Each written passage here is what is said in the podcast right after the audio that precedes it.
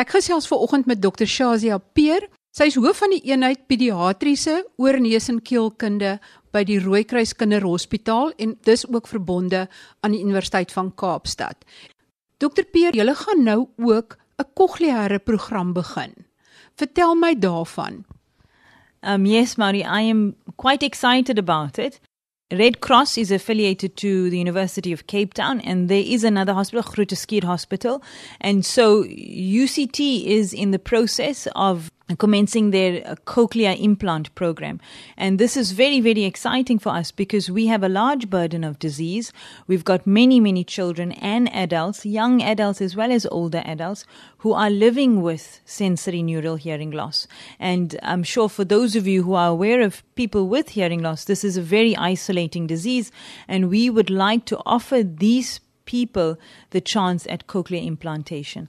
And so we are um, in the process of getting everything started. The main concerns with the implant program is oral rehabilitation, which is which basically, simply put, is that you can have an implant, but you must be able to get the best benefit out of it. So that involves rehabilitation. And so audiologists and speech therapists are the best uh, equipped to rehabilitate someone into uh, hearing after they haven't been hearing.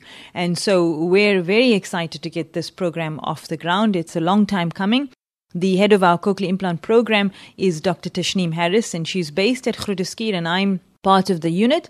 I have a special interest in pediatrics, and so that is where my interest comes into the unit. But both of us are trained to do cochlear implants. So we're basically getting all the formalities done, and uh, we're really, really looking forward to have this rolled out next year. We also have uh, some highly qualified audiologists who are going to go for training, and um, our list is already drawn up for the patients who are the top candidates. So we're looking forward to that.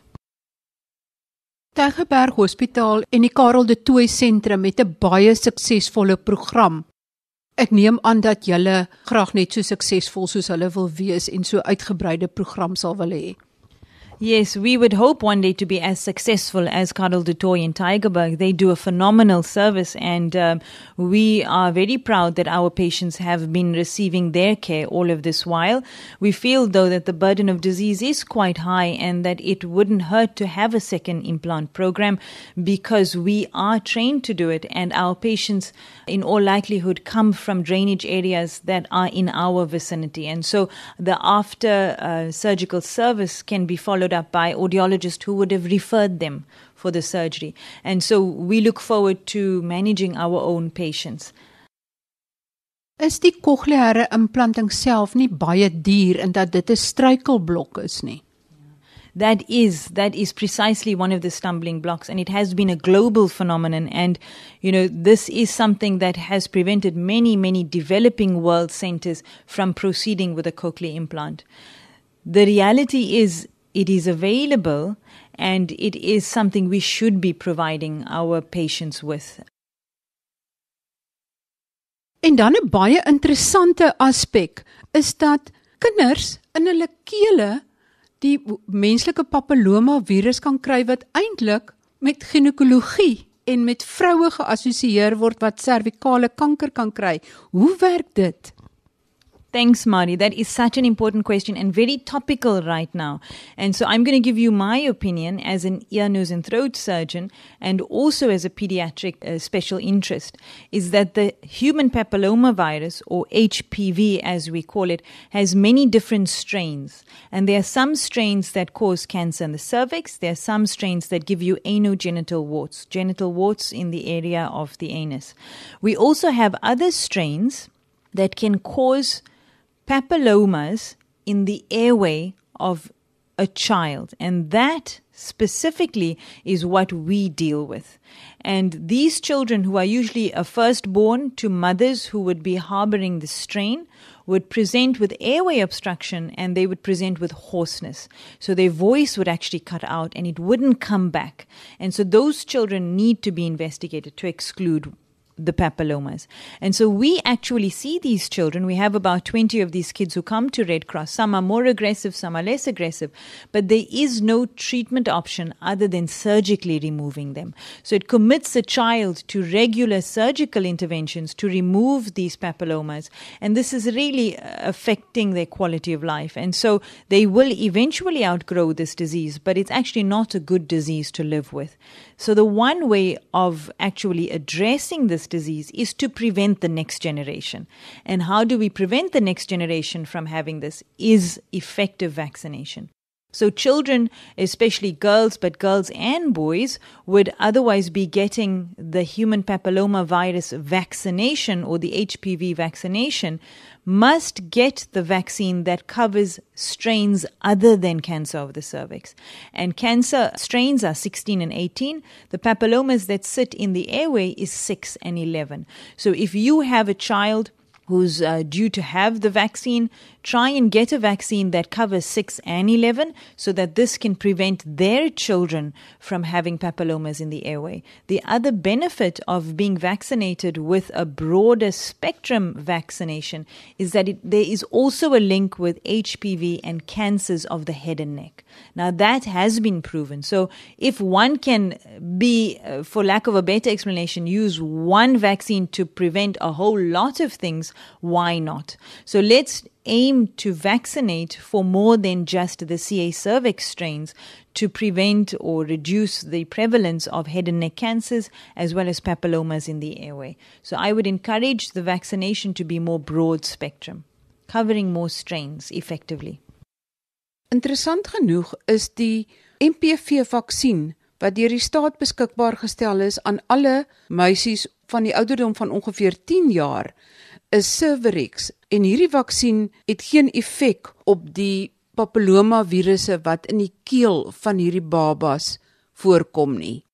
Die vaksin wat wel hierdie keelinfeksies en geslagsvratte kan voorkom is Gardasil se 4-valent of 9-valent vaksin. Dokter Peer, wat sal jou finale boodskap aan die luisteraars daar buite wees? So, in a child's life, the ears, the nose, and the throat, and the development of speech and language is extremely important.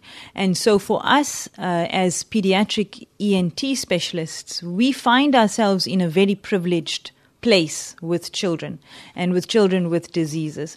And so we are able to provide a service that can actually improve their development and prevent any sort of obstacles that get in their way. So, if it's hearing loss, we want to improve that service and provide them with hearing aids, with surgical reconstructions, and hopefully an implant if they need it. With regards to speech and language acquisition, we want to be able to integrate these children into society and get them to speak and be heard as early as we can. And so, children with tracheostomies need to be looked after. Children who have um, vocal cord or laryngeal problems that are amenable to surgery can now have their surgery and hopefully are integrated back into society. So we want to get kids on their way and have least problems that are ear, nose, and throat and airway related before they become adults. So that is where we fit into society. Baie dankie aan Dr. Shazia Peer vir hierdie baie interessante inligting. Ons wens hulle sterkte toe met hulle program vir kokleaire implantings en ook met die werk wat sy doen om die lugpypies van kinders wat tracheostomies gehad het of lugpypies wat vernou is weens buise in die lugpyp weer te herstel met baie fyn chirurgie. Ek speel net 'n vinnige opsomming uit die vorige program van die vier belangrikste herpesvirusse voordat ons oorgaan na klierkoors en die ander 3 herpesvirusse. As mens dink aan koorsblare, dan is dit ehm um, menslike herpesvirus 1 of baie mense praat van herpes simplex virus 1 wat koorsblare gee. Koorsblare is 'n manifestasie van van hierdie virus wat in 'n mens se senuwees weggryp en dan wanneer iets dit stimuleer weer uitkom. Dan is daar ehm um, die algemene 'n virus wat genitale herpes veroorsaak is herpes menslike herpes virus 2 alhoewel menslike herpes virus 1 ook genitale herpes kan veroorsaak. So dit dit word dan oorgedra deur seksuele kontak. Nie almal wat menslike herpesvirus 2 uh, infeksie het of genitale herpes het, is bewus daarvan nie. Dan die die derde virus wat ons nou aangeraak het is die uh, varicella zoster virus. Dis die dis die virus wat vir my wat vir kinders waterpokkies gee. En as dit dan jare later terugkom, kruip ook weer in senuwees weg en dan as 'n mens se immuunstelsel swak raak, dan kan dit terugkom as gordelroos. Wat interessant is, ons kan vandag kinders inent teen ehm um, varicella zoster dan is hulle redelik goed beskerm teen waterpokkies en dan is daar ook vir mense wat waterpokkies gehad het en dan risiko het om later in hulle lewe gordelroos te kry wanneer die virus um, wat weggekruip het na die eerste waterpokkies terugkom. Mense kan hulle beskerm deur 'n ander en stof wat uh, basies dieselfde virus is net 'n baie sterker dosis wat dan gegee word om mense bo 60 te beskerm teen teen gordelroos. Dit werk redelik goed uh, veral om die pyn uh, te verminder, maar dit beskerm nie volledig teen gordelroos nie. Dan is daar nog ehm um, die een wat mense klassiek klierkoors gee, dit is ehm um, Epstein-Barr virus. Ehm um, daar sitomegaal virus, ehm um, sitomegaal virus is veral uh, belangrik by, by kinders as hulle ehm um, dit van die ma kry voor geboorte, dan ons dit kongenitale sitomegaal virus en dit dit kan tot tot ernstige siekte lei uh, by, by die ongebore baba. Dan is daar herpes virus 6, ehm um, wat 'n hoë koors en uitslag gee in kinders en herpes virus 7 is baie soortgelyk, kan 'n hoë koors en uitslag gee.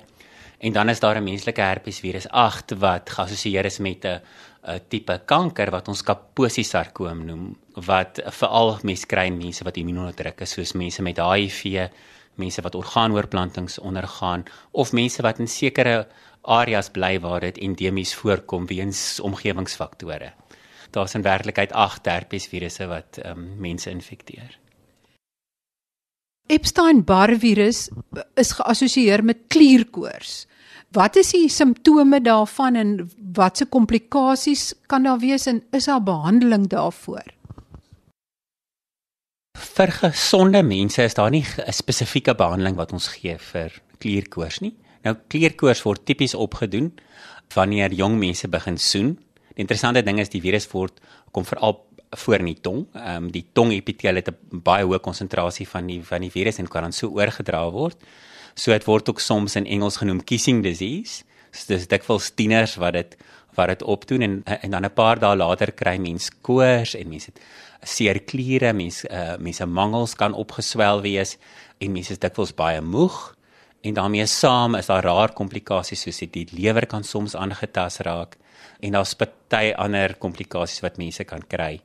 Dis ook 'n probleem virus in mense wat orgaanoorplantings ondergaan want dit infekteer van die bloedselle wat ons noem limfosiete en dit kan lei dat daartoe dat hulle baie begin vermeerder en dit is amper soos bloedkanker. Dit kan selfs in party gevalle is dit oorsaaklik aan sekere soorte rare limfome. Maar in die meeste jong volwassenes wat die klassieke klierkoors opdoen, kan mens kan vir rukkie lank moeg wees daarna, maar hulle is mense herstel spontaan. In arm omgewings waar mense baie dig op mekaar bly, kry kinders gewoonlik nie uh, Epstein-Barr virus eers as tieners nie, hulle doen dit al op as klein babatjies en kinders. Hulle kry dit al baie baie jonk. Die interessante ding van Epstein-Barr virus is dis net soos die ander herpesvirus, mense dit eers het dan het jy dit lewenslank. Dit dit kruip nou wel weg in mense bloedselle en dit kan ook in sekere epiteelselle wegkruip soos in die tong.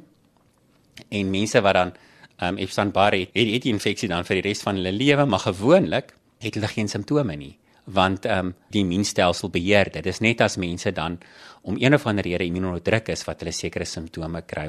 En in HIV het ons tipiese kry ons tipiese tongletsels, seker wit letsels op die aan die kant van die tong wat hulle kry en dan in orgaanoorplantingspasiënte kry ons dikwels waar die uh, limfosiete erg begin vermeerder en die mense raak siek daarvan en dan is daar ook heelwat ander komplikasies soos mense kan limfoom kry van hulle brein en senuweestelsel wat ook geassosieer word met ehm um, Epstein-Barr virus. So en dan is daar ander tipiese limfome wat in kinders in Afrika voorkom, Burkitt limfoom wat hulle assosieer met ehm um, Epstein-Barr virus infeksie en, en in Suidoos-Asië is daar nasopharyngeale karsinoom wat uh, veral ouer mans kry in Suidoos-Asië wat ook geassosieer word met ehm um, Epstein-Barr virus infeksie. So hulle is betrokke by baie van die kankers kan Epstein-Barr virus betrokke wees.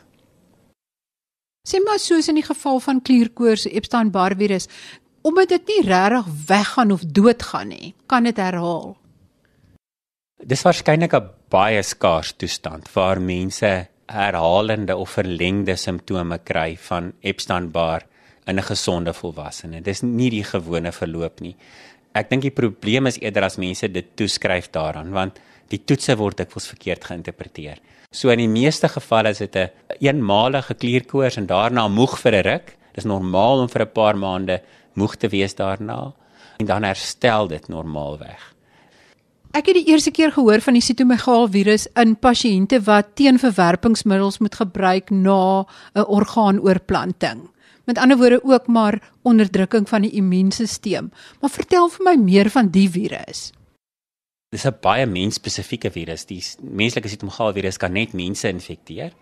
En in die 'n meeste gesonde volwassenes wat dit opgedoen het, is dit asymptomaties. Mense weet nie eers hulle het dit nie. In 'n paar gevalle kan dit ook 'n klierkoorsbeeld veroorsaak as mense dit die eerste keer kry. Dit dit is een van die oorsake van 'n klierkoorsbeeld. Maar ons is veral bekommerd wanneer kinders dit opdoen wanneer hulle nog in die baarmoeder is. Kan dit ernstige komplikasies veroorsaak en dan ook mense wat wat om een of ander rede immuunonderdruk is. Mense wat HIV het, ons het veral daar gesien dat dit die oog aantas, hulle kry sitomegaal-virus retinitis. Ehm um, dit kan die senuwees aantas, dit kan die brein aantas. In kinders het ons sien ons veral dat sitomegaal-virus lei tot longontsteking, sitomegaal-virus pneumonitis, ook in orgaanoorplantingspasiënte lei dit tot 'n koors en 'n pneumonitis. So dit heelwat heelwat komplikasies in die immuunonderdrukte pasiënt, maar in gesonde volwassenes het dit baie min impak op hulle op hulle gesondheid. Dit is um, baie interessant die menslike herpesvirus 8. Um, dit was 'n was 'n baie interessante bevinding. Sonder hierdie virus kry mense nie Kaposi sarkoom nie. En dit so dit is die uh, belangrike oorsaak daarvan, maar nie almal wat die virus het kry Kaposi sarkoom nie. Mense moet daarmee saam nog 'n uh, verswakte immuunstelsel hê. Daar's 'n hoë voorkoms van hierdie virus in sekere dele van Suid-Afrika. Uh, veral um, noordelike KwaZulu-Natal is daar redelike hoë voorkoms van van die virus en dit word waarskynlik in die familie oorgedra. Um, maar dit kan ook op ander wyse voorgedra word. Dis daar's 'n hoë voorkoms daarvan in homoseksuele populasies. En dan as mense se immuunstelsel verswak, dan kry hulle Kaposi sarkoom. Ons het in HIV dit dikwels gebruik as 'n as 'n aanduider van hoe van hoe ver die siekte gevorder het was. En dit was dan 'n aanduiding dat iemand vigs het as hulle Kaposi sarkoom ontwikkel het. Ja, dis wat ek ook die eerste keer daarvan gehoor het is 'n HIV positiewe pasiënte wat dan vigs ontwikkel en dan later Kaposi sarkoom ontwikkel, maar jy sê dis van die herpes virus en waarskynlik omdat sy immuunstelsel onderdruk is as gevolg van die HIV. Dit die immuunonderdrukking van HIV speel 'n rol, maar daar's ook sekere van die HIV gene wat waarskynlik ook 'n rol speel. Daar's een HIV geen wat ons noem TET wat waarskynlik ook die die groei van Kaposi sarkoom aktiveer. So daar's daar's 'n interessante interaksie tussen tussen die twee virusse wat dan lei tot Kaposi sarkoom, maar as maar is die eerste keer beskryf deur 'n Hongaar ding ek genaamd Kaposi, so die regte uitspraak sou seker Kaposi wees. Hy het agtergekom dat in die Mediterrane mans, in ou Mediterrane mans dit voorkom. So dit en dit was uh, genoem uh, klassieke Kaposi sarkoom. En en toe later het hulle agtergekom dit kom in Afrika voor, selfs in kinders en toe het hulle agtergekom het hulle sien dit in orgaanoorplantingspasiënte wat immuunonderdruk word sodat hulle nie hulle eie organe vir dit dit nie die donororgaan verwerk nie en hulle het gesien dat hulle weens immuunonderdrukkende terapie kaposiesarkoom kry ons het dit gesien in nieroorplantingspasiënte en ander oorplantingspasiënte en toe later met die HIV epidemie van die 1980s het hulle agtergekom dat hulle in hulle uit hierdie pasiënte ook wanneer hulle erg immuunonderdruk is ook wel kaposiesarkoom opdoen 6 gee uitslag wat hulle in kinders noem exanthem sebitum. Dis klassiek geassosieer met 'n baie hoë koors en dit is 'n uitslag wat rosette vorm. Hulle praat dikwels van baba masels. Dit kom baie vroeër voor as as wat masels voorkom in oningeënte kinders, soos 'n ehm gedikwels in, in in kinders onder 2 jaar oud wat hierdie uitslag kry. En die probleem is dis dikwels 'n baie hoë koors en selfs koorskonvulsies wat die kinders kry die ander komplikasie daar's 'n sekere tipe van hierdie virus wat in sekere pasiënte ook die brein kan aantas en geassosieer is met sekere breinsindrome. Dit dis dis moeilik om te weet of dit die oorsaak is van die die breintoestande, maar dit is 'n virus wat wat baie lief is om die brein te infekteer.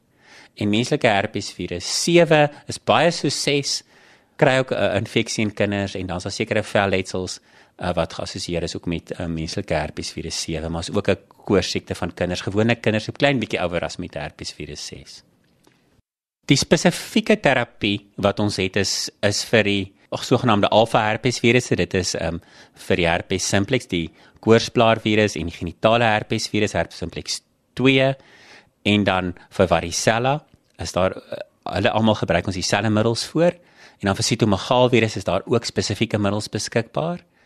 En dan vir die ander is daar nie middels wat baie effektief is om hulle mee te behandel nie wat algemeen gebruik word nie.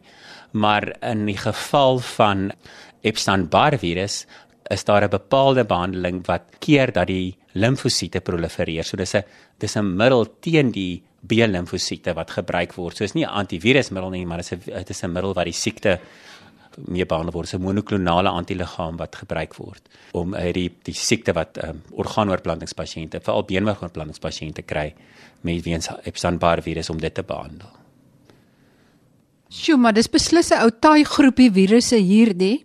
As jy nou opsommend 'n boodskap aan die luisteraars moet gee oor hierdie groep virusse, wat sou jy sê? Ek dink dis veral belangrik om te weet dat waterpokkies vandag voorkombaar is, dat daar wel 'n enstof beskikbaar is, dat genitale herpes voorkombaar is deur deur menslike gedrag en dat dit baie infektief is en dat dit makliker oordra as HIV. Maar dat daar behandeling beskikbaar is vir mense wat of ehm um, koorsblare het, wat herhaalde genitale herpes kry, mense wat waterpokkies het, uh, mense wat ehm um, gordelroos het, dat in vroeë behandeling kan 'n verskil maak in al hierdie gevalle. Dit is ook belangrik om bedag te wees op komplikasies. Mense dink aan 'n swanger vrou wat genitale herpes het dat die baba aandag moet kry en seker moet gemaak moet word dat die baba nie sterf van komplikasies nie. So ek dink die belangrike ding is om om inligting te hê en te weet wanneer 'n mens na jou algemene praktisyn moet gaan en weet dat daar wel hulp is vir die meeste van hierdie toestande en dan as dit kom by immunodrukte pasiënte dan is daar spesiale behandeling beskikbaar en en dit is belangrik om weer uh, in goeie sorg te wees um, dat die komplikasies vroeg opgetel word. Daar waar 'n behandeling beskikbaar is, dit dit vroeg behandel moet word. So daar is behandeling vir sitomagaal virus en daar is behandeling vir limfoproliferatiewe siekte vir mense wat ehm um, wat Epstein-Barr virus het en en immunodruk is. So en dat as dit betyds behandel word dan dan kan dit 'n groot verskil maak in die oorlewing van pasiënte. Dit is baie belangrik dat ehm um, swanger pasiënte wat varicella kry wat waterpokkies kry. Hulle moet onmiddellik behandeling kry. 'n Swanger vrou wat net voor kraam um, genitale herpes het, is baie belangrik dat haar onmiddellik gereedheid moet wees om te weet wat om met die baba te doen. Die probleem is herpes enkefalitis is 'n moeilike diagnose, maar mens herpes enkefalitis vroeg behandel kan mens 'n groot verskil maak. Die die probleem is net dit is so non-spesifiek. Jy mas enige iemand se gedrag skielik drasties verander en hulle ehm um, kan skielik nie praat nie en hulle verstaan dinge nie en hulle, hulle raak bewussynsonderdruk, dan moet hulle hulp kry. Maar daar's so baie ander goed wat dieselfde simptome kan gee. Dis dis net belangrik dat sulke mense wel gesondheidsorg opsoek. Dit was aan professor Gert van Sail van die departement virologie van die Universiteit van Stellenbosch. Nou kom ons by week 7 van ons doen dit net aksieplan. Week 7 se kopplan met die bestekopname het ons 'n klompie struikelblokke geïdentifiseer en ons gee raad oor hoe om hierdie struikelblokke te oorkom. Week 7 se oefenplan is weer eens oefen 4 keer 'n week, maar ons het hierdie week 'n spesiale program luister môre gesels ek met Martelies en sy verduidelik hoe sy oefen en dit gaan vir mense help wat dalk ook in 'n rolstoel is of wat nie hulle bene of onderste ledemate met gemak kan gebruik nie. En Saterdagoggend sal jy, as jy van die begin af geoefen het, beslis gereed wees vir jou eerste parkrun. Gaan kyk op die webwerf waar jou naaste parkrun is, registreer en gaan neem deel en geniet jou eerste parkrun. In die eetplan fokus ons hierdie week weer eens op iets wat ons in die geel mandjie pak en dit is suiwelprodukte. Ons verduidelik daar wat is al die porsies van suiwelprodukte, melk, kaas, jogurt ensovoorts, maar dit kom daarop neer dat jy omtrent 2 tot 3 porsies suiwel per dag kan inneem. En onthou melk en suiwelprodukte is baie ryk aan kalsium en ander minerale wat noodsaaklik is vir goeie beengroei. Dis is dit 'n goeie teenvoeter teen osteoporose. Volgende week gesels ek met dokter Pieter Kreer oor pelviese pyn. Groete tot dan.